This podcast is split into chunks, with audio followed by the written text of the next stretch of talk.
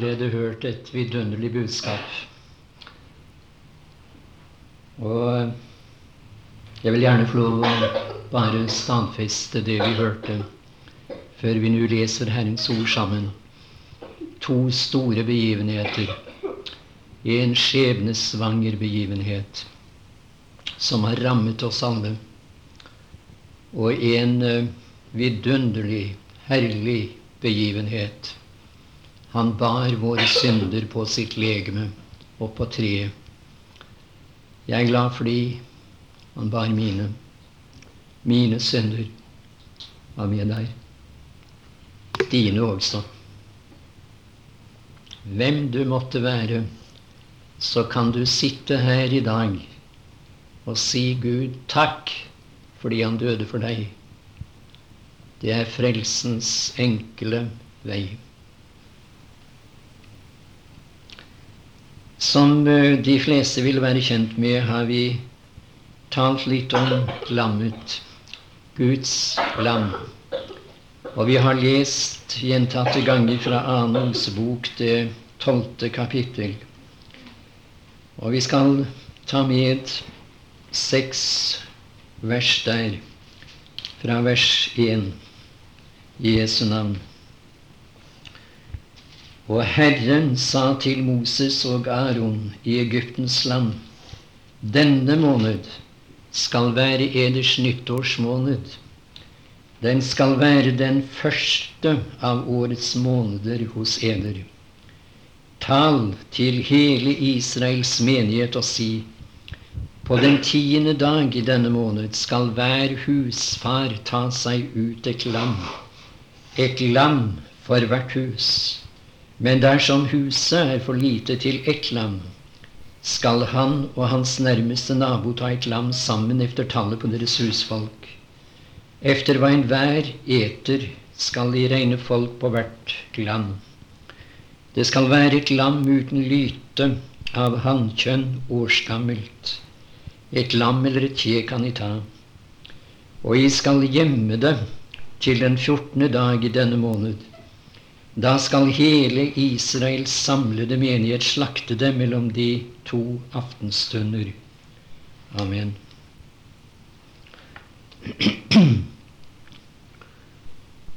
I de to møtene vi har hatt, som jeg allerede har nevnt, denne uken, har vi eh, sett litt på enkelte sannheter ut fra dette kapittel som vi nå har lest fra.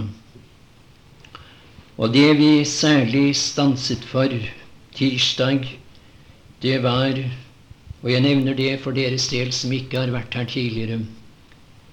Eh, lammet utvalgt eller uttatt, eh, prøvet og anerkjent. Og det er jo meget viktig, det vi her leser i det tredje vers, å ta med deg det på den tiende dag i denne måned. Eh, det var en bestemt dag. Lammet skulle uttas, det lam som skulle bli til frelse for Israel i Egypten. Og det var på den tiende nisan. Og den som har en smule kjennskap til eh, hvorledes tallet ti er benyttet i Skriften, forekommer i Skriften, vil vite at det står for hva Gud fordrer. Han fordrer noe når det gjelder det lam som skal bli Israels frelse og din og min frelse. Det står nemlig det skal være et lam uten lyte av hannkjønn årsgammelt, et lam eller kje kan i ta. Og det heter videre at det skulle gjemmes til den 14. dag i denne måned, altså 14. nisan. Da skulle de slakte det mellom de to aftenstunder.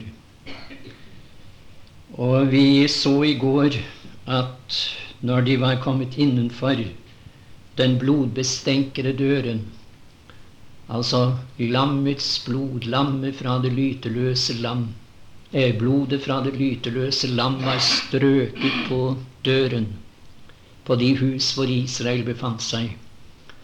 så skulle de nyte lammet.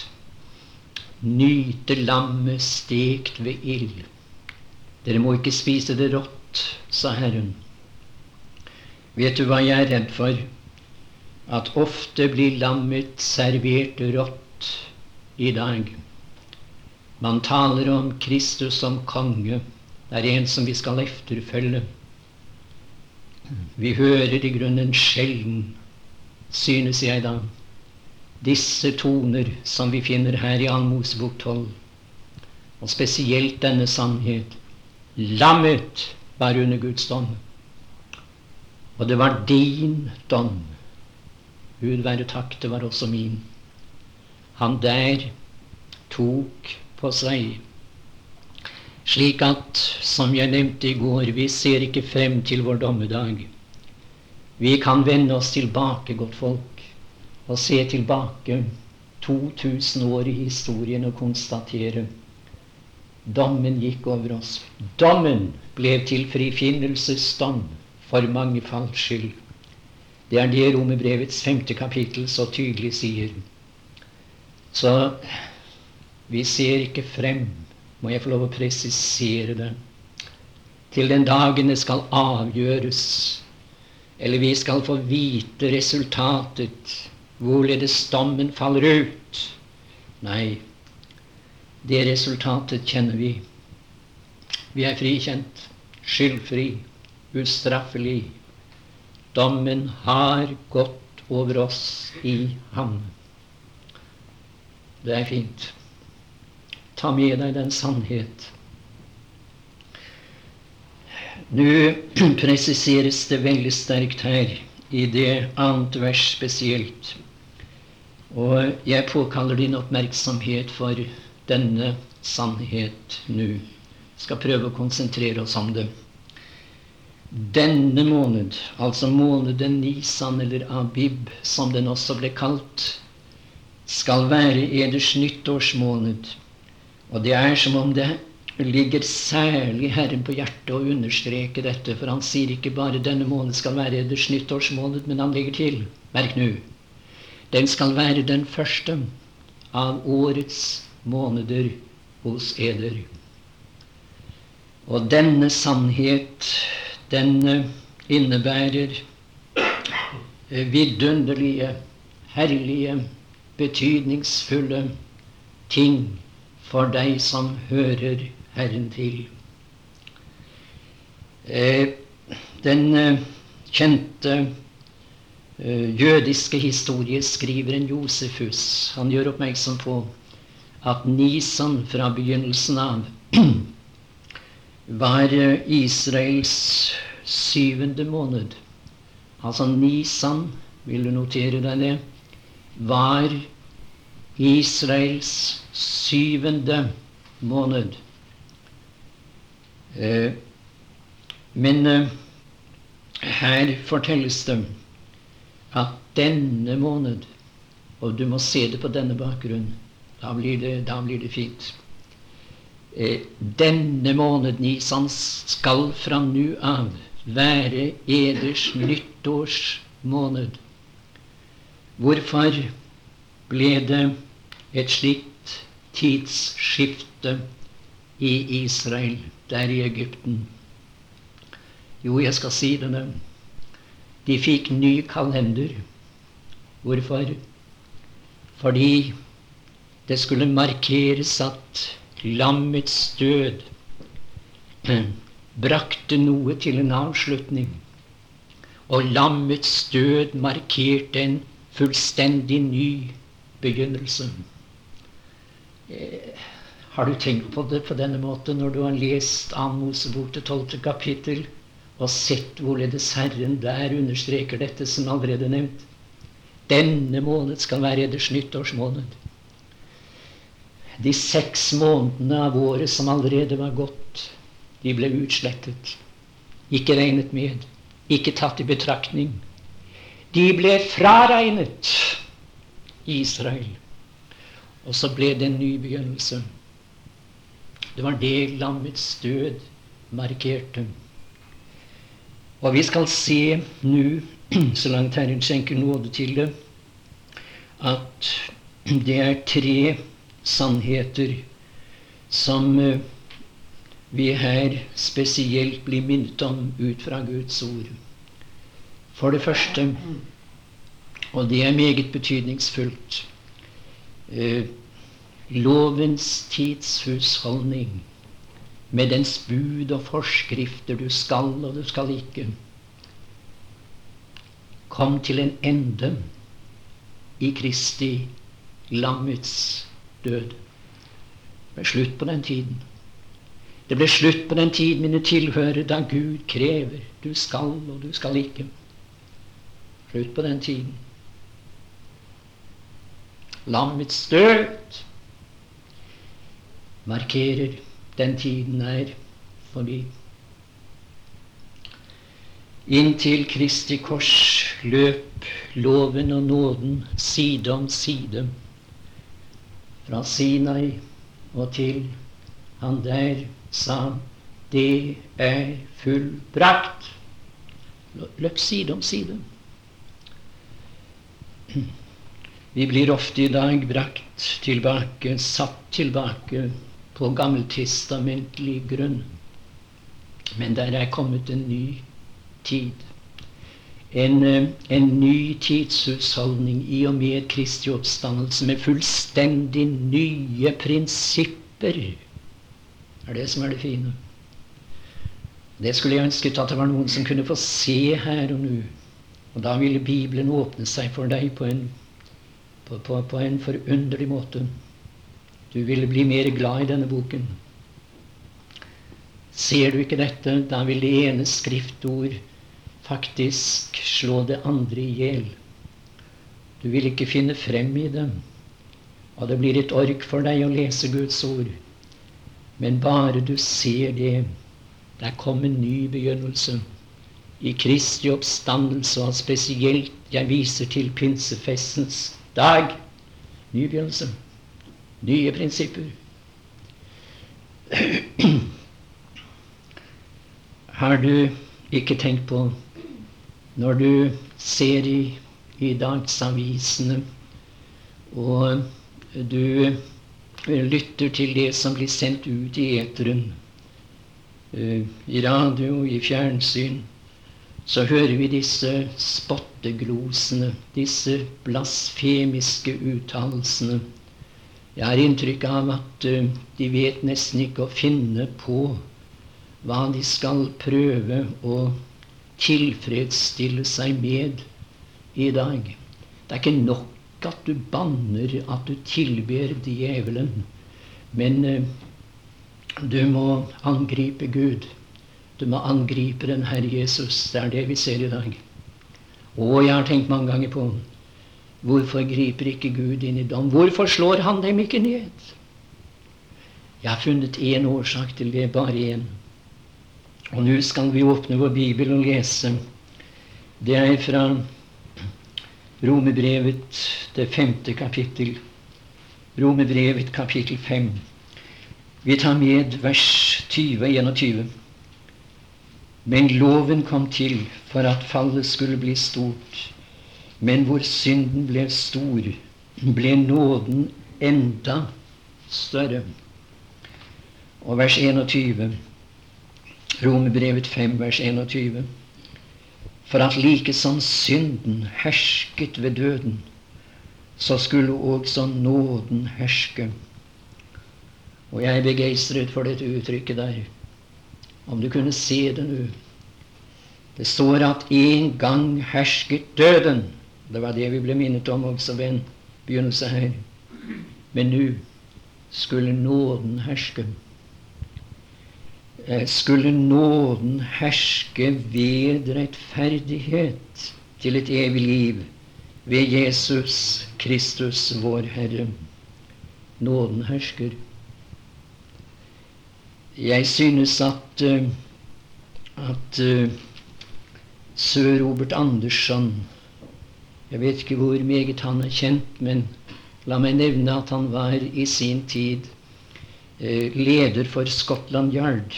Og det sier jo ikke så ganske lite om ham som menneske og den posisjonen han hadde i denne verden. Han, han, var altså leder for Scotland Yard. Og eh, denne dyktige juristen, han synes jeg det er fint å lese. Han har gitt ut en hel del med bøker, spesielt om det profetiske ord i Skriften. Og jeg syns det er så fint når han taler om disse forskjellige juridiske uttrykk som det forekommer så mange av i Skriften, nemlig eh, lov og nåde og rettferdiggjørelse osv. Han skulle ha betingelser for å uttale seg om dette. Og når det gjelder Romerbrevet 5.21, så sier han Rettferdigheten sa til nåden Jeg setter deg på tronen. Jeg må få lov å si det en gang til. Og så må du prøve å få det med deg. Rettferdigheten Det var jo rettferdigheten som virket, og som, som var den regjerende i den gamle pakts tid. Og derfor slo Gud folk ned. Dommen rammet dem omsider. Vi ser i dag at Gud griper ikke inn i dom. Årsaken er denne, som eh, denne ypperlige forkynner også hva som han var, sier Rettferdigheten sa til nåden, jeg plasserer deg på tronen. Det er nåde i dag. Det er nåde i dag. Det er grunnen til at uh, Gud ikke slår spottere ned. Det er grunnen til at den dypest falne i Kristiansand i dag kan bli frelst. Du kan bli frelst av blank nåde uforskyldt, gratis. Og hvis det skulle sitte noen her som har følt på det jeg, jeg, jeg er et håpløst tilfelle. Må jeg få lov å si deg nåden hersker. Nåden regjerer. Men jeg vet ikke hvor lenge. Jeg vet at det skal komme en tid da rettferdigheten setter seg på tronen på nytt. Og det blir når den Herre Jesus har rykket sine, de frelste i denne verden, hjem til seg. Og det er det vi venter på. Men da skal rettferdigheten regjere under den antikristelige store trengsel. Riktignok er det noen som skal bli frelst, det vet vi. Men da har rollene blitt skiftet. Det er rettferdigheten på tronen. Da øver Gud dom over denne jord. Men nå, her og nå, kan du bli frelst. Hvem du enn er. Nåden er på tronen. Glem det ikke. Om du ikke har bruk for det akkurat nå, jeg vet ikke om du får bruk for det senere, jeg vil si til deg gjør bruk av denne anledning. Der du sitter på benken. Lammets død markerer avslutningen på vårt liv som syndere i denne verden. Den dagen vi står ansikt til ansikt med evangeliet og erkjenner at Kristus inntok vår plass under vreden og dommen og bar våre synder på sitt legeme og på treet, som vi har hørt Den dagen ble de seks måneden, månedene som hadde gått, de, de, de, de ble utslettet. Fullstendig utslettet. Det er blitt en ny begynnelse. Du ble født av Gud en ny begynnelse.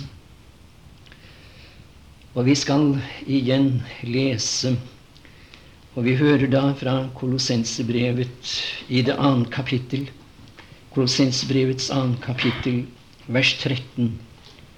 Og så eder som var døde ved eders overtredelser og eders kjøds forhud. Eder gjorde han levende med ham. På hvilken måte? I det han tilgav i det han tilgav oss alle våre overtredelser. Jeg har møtt mennesker troende mennesker som har sagt til meg der er spesielle synder i mitt liv som har satt dypere merker efter seg i sjelslivet enn andre. Og det er helt på det rene. Det er ingen tvil om at det kan være ting som setter dypere arr i et menneskes sjelsliv enn andre ting. Og dette sier de, de Det forstyrrer meg. Det uroer meg. Det, det, det er stadig en nagende uro med tanke på at den synd, den har ikke Gud tilgitt meg. Den er han ikke ferdig med. Jeg kom til å se på en av de gamle biblene mine hjemme i dag. Og da så jeg på 43, Esaias 43, 25. Esaias 43, 25. Og der, der er det merker. Jeg kan se tydelige merker efter tårer som dryppet ned på det ordet. Tårer, mine tilhørere, fra, fra kraftige mannfolk som var i den dypeste syndenød. De lå der på sine kne jeg tenker på vekkelsestider. Jeg nevnte det litt i går. Å, måtte det komme en vekkelsens bølge over dette land på nytt. Jeg tror det kan skje så lenge menigheten er her. Jeg tror ikke vi skal resignere. Det kan komme kanskje mens vi Jeg holdt på å skulle si minst venter det. Men, men jeg så på dette ordet der, og jeg har lyst til å ta det med her. Jeg, jeg er den som utsletter dine misgjerninger for min skyld. Og dine synder kommer jeg ikke i hu. Det har vært diskutert innenfor teologien, og jeg har lagt merke til. De diskuterer jo så meget der. Men uh, de, de, har ikke riktig blitt enige om dette. Kan Gud glemme? Kan Gud glemme? Jeg har lyst til å si det på den måten. Hør nå. Det er guddommelig å glemme. Det er bare Gud, med andre ord, som kan glemme. Med deg og meg er det slik at vi, vi glemmer så lett det som vi burde huske, og vi husker så altfor godt det vi burde glemme. Er det ikke riktig? Men om ham er det sant, for det står skrevet Dine synder kommer jeg ikke i hu. De er tatt bort fra Guds bevissthet, med andre ord. Fjernet! Utslettet! Skal aldri kalle dem frem igjen. Kan ikke. De er glemt. De seks månedene er han ferdig med. Det har blitt en ny begynnelse.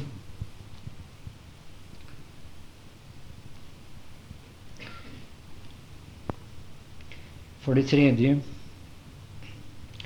vår, vår historie som Adams barn endte i lammets død. Vår historie som Adams barn fikk sin ende i lammets død. Det er slutt på den historien. Det ble en ny historie. Og den begynte i Kristi oppstandelse, sier Bibelen. Og hvis det er noen sannhet som har kommet til å bety mer for meg, om jeg skal få lov å være personlig, eh, enn andre sannheter i Skriften, så må jeg si at det er nettopp det jeg her berører. Og jeg vil ta dere med til Galaterbrevet, annet kapittel, annet kapittel, og det tyvende verset. Om du glemmer alt jeg sier i denne møterekke, prøv å huske det. Husk det verset. Les det ikke bare én gang, men flere ganger. Det kan være at det er noen her som så dette for år tilbake, men så har du kommet uh, liksom på avstand fra det, og det er ikke så klart i dag. Men én ting er sikkert du trenger det. Du trenger det hver dag. Det er altså Galaterbrevet 2,20. Tillat meg nå å lese det feil, og så skal jeg rette på det umiddelbart. Jeg skal korsfestes med Kristus. Ja, står det det? Jeg er på vei til å bli korsfestet med Kristus. Nei. Men uh, ordet lyder sånn Jeg er. Og det er bare dette lille, enkle ordet er. Hva betyr ikke det? Vil du, vil du ta det med deg? Jeg er korsfestet med Kristus. Jeg lever ikke lenger selv, men Kristus lever i meg. Og det liv jeg nå lever i, i kjødet, det lever jeg i troen på Guds sønn, som elsket meg og gav seg selv for meg. Og vil du i tilslutning til dette, i sammenheng med dette, lese Romebrevet, det sjette kapittel og det sjette vers. Og der heter det Da vi jo vet dette Vi vet det, sier apostelen. Men er det noe du har erkjent i ditt liv? Det er én ting at du vet at det står i Skriften. Det er noe annet når du blir brakt til erkjennelse av det, når Den hellige ånd viser deg denne sannhet i Bibelen. Da har vi jo vet dette, at vårt gamle menneske blev Ikke skal bli, ikke blir, men blev. Blev korsfestet med ham med Kristus. Det er korsfestet. Det er altså ikke bare sånn å forstå at den Herre Jesus spar våre synder, våre gjerningssynder, det vi har gjort som, som synder i denne verden. Det gjorde han.